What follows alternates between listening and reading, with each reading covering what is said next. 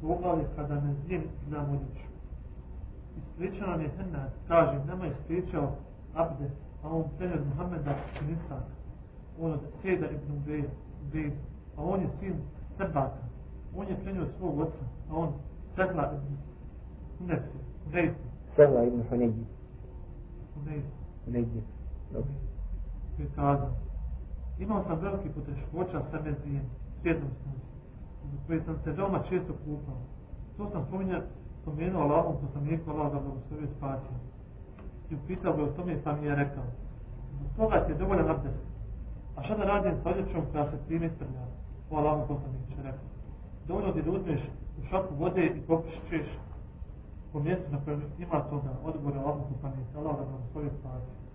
Ebu Isa kaže, ovaj hadis je Hasan Sahih, a u Meziju ne znamo osim hadisa Muhammeda ibn Isaka. Kako treba postupiti da se odjeća uprlja Mezijem svjetom sunca? Spore među islamskim učenjacima, spore među, među islamskim učenjacima. Neki kao što šavate Isak smatruju da se to mora oprati. Neki veli, dovoljno je po tom mjestu uprskati vodom. Ahmed kaže, nadam se da je dovoljno samo uprskanje vodom.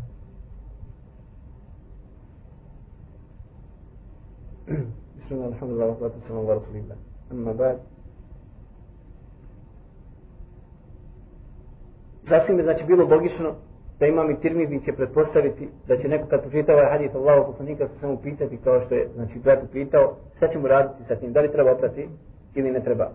Tako da je bilo sasvim logična stvar da spomene poglavlje koji govori o propisu samu onaj medija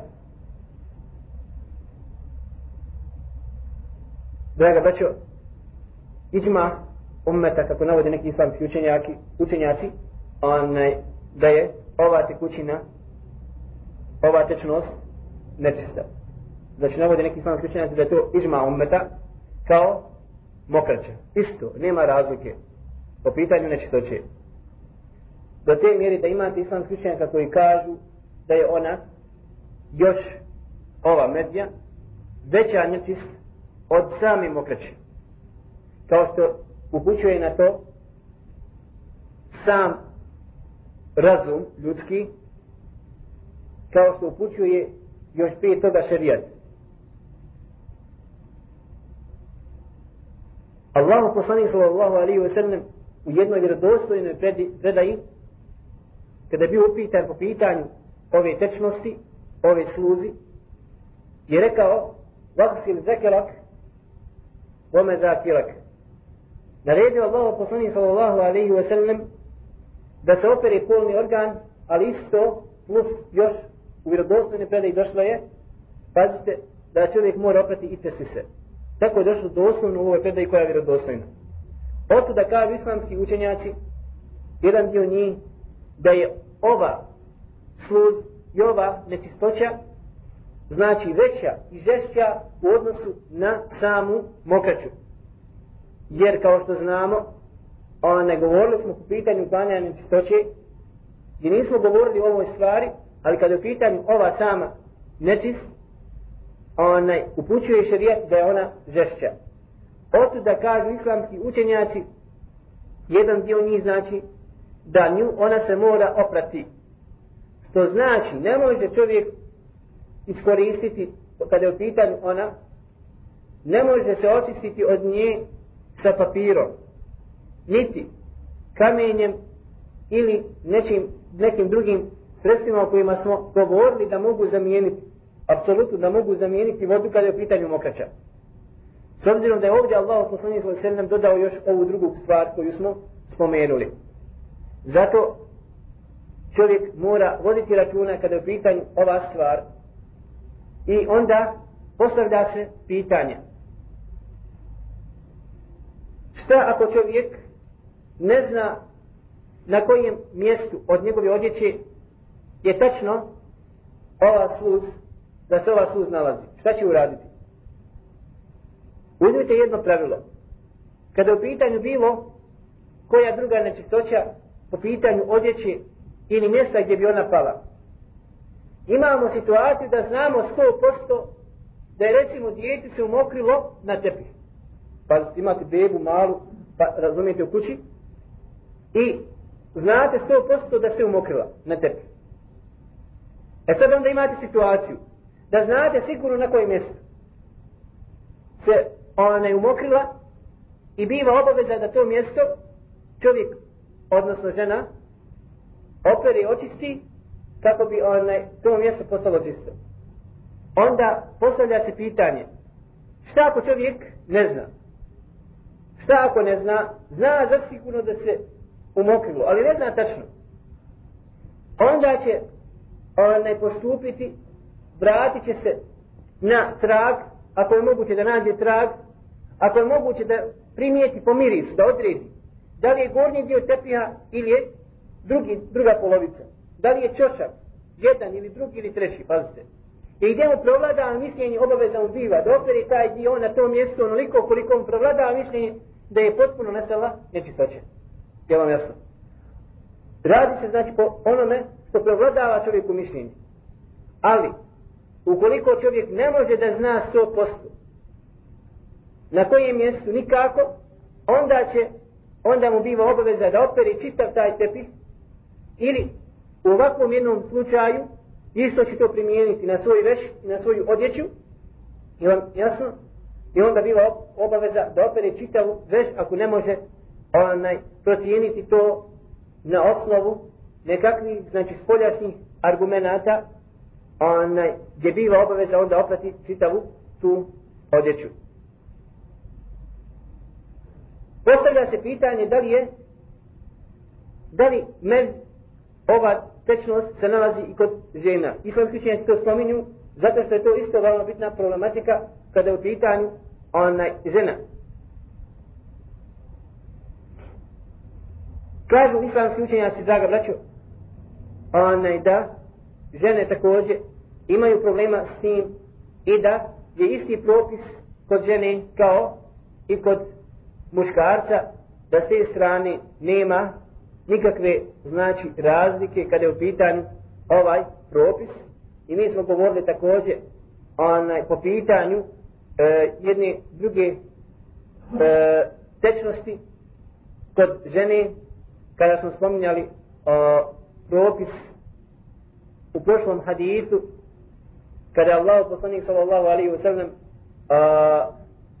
naredio Osman ibn Affan radijallahu ta'ala anhu da mora oprati e, sebe, odnosno da mora oprati svoj polni organ ako je imao odnos sa ženom i pored toga što nije imao šta, ejakulaciju, kako je to došlo u vjerodostojnom hadisu i što ga islamski učenjaci uzimaju propis da e, sluz, odnosno bijela, bijelo pranje, kako se to zove kod žena, jeste nečist kod jednog dijela islamskih učenjaka.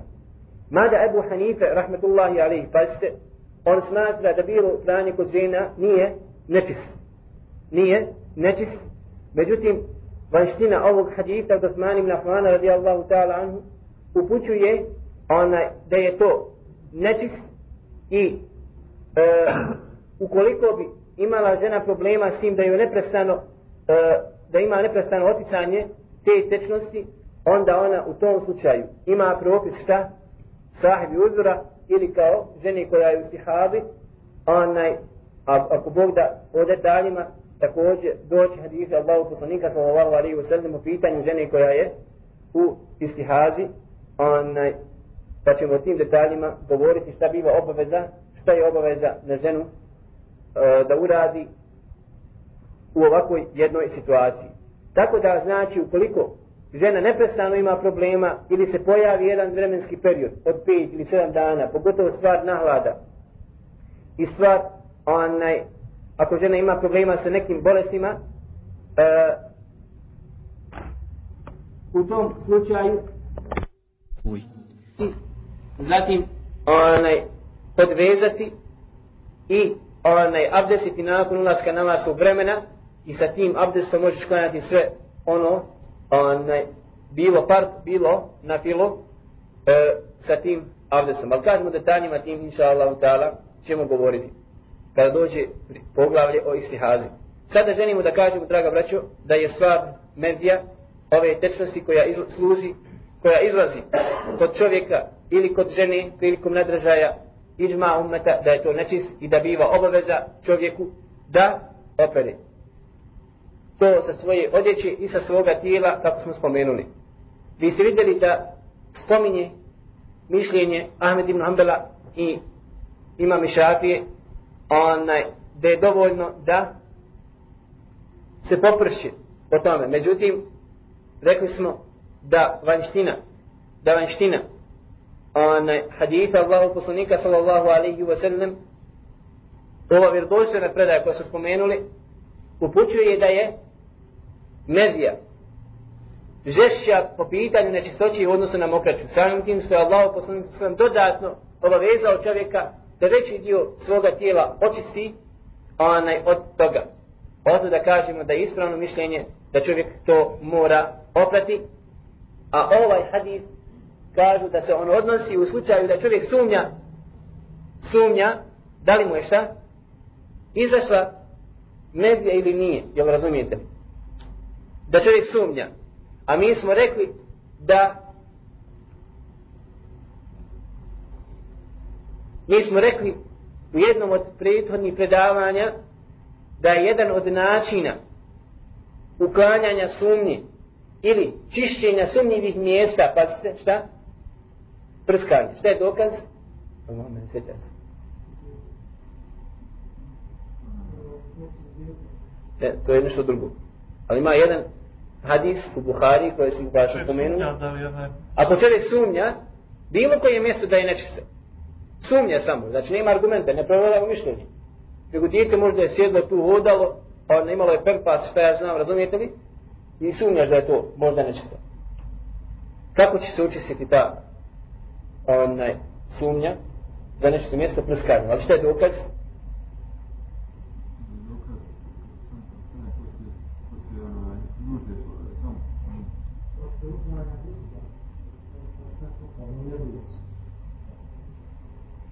Dokaz je hadis od Enes ibn Malika radijallahu ta'ala anhu spominjali, sjećam dobro da spominjali tu stvar, da je došao kod Allahu poslanih sallallahu alaihi wa sallam onaj, da klanja neće se da se zvala ona ummu haram ili ummu milhan radijallahu ta'ala pa je rekao Allahu poslanih sallallahu alaihi wa sallam Anes da nam donese jednu crnu hasru jednu hasru koja je bila potamnila onaj ostajanje.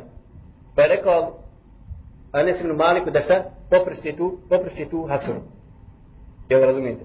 Tako da smo rekli da ovo dokaz da čovjek ukoliko sumnja da se možda nalazi nečistoća na odići ili šta, on na nekom mjestu zbog dugog stajanja ili zbog toga što se djeca tu hodala, da može to uradi, očistiti na takav način što će poprskati.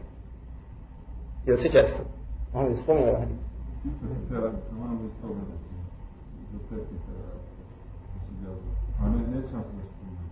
Spominjali smo ovaj hadis, ja sjećam dobro da smo ga spominjali, onaj, što se tiče žene čirke od Džahša, kada je donijela djec svoje, također smo spominjali, ali to nije, to nije dokaz za ovo što sad govorimo. To isto da se uzima dokaz, da ga možemo spomenuti, onaj, da se nečistoća prenosi. Da se nečistoća prenosi putem vlažnosti. Pazite, to je veoma bitna stvar. Ovo, onaj, ovaj hadis koji smo spomenuli, jeste da se nečistoća prenosi putem vlažnosti. Tako da ukoliko dijete vidiš da se recimo naredilo onaj, i sjedlo ti je na krilu, bez obzira što nemaš ti onaj, jasnog traga, šta?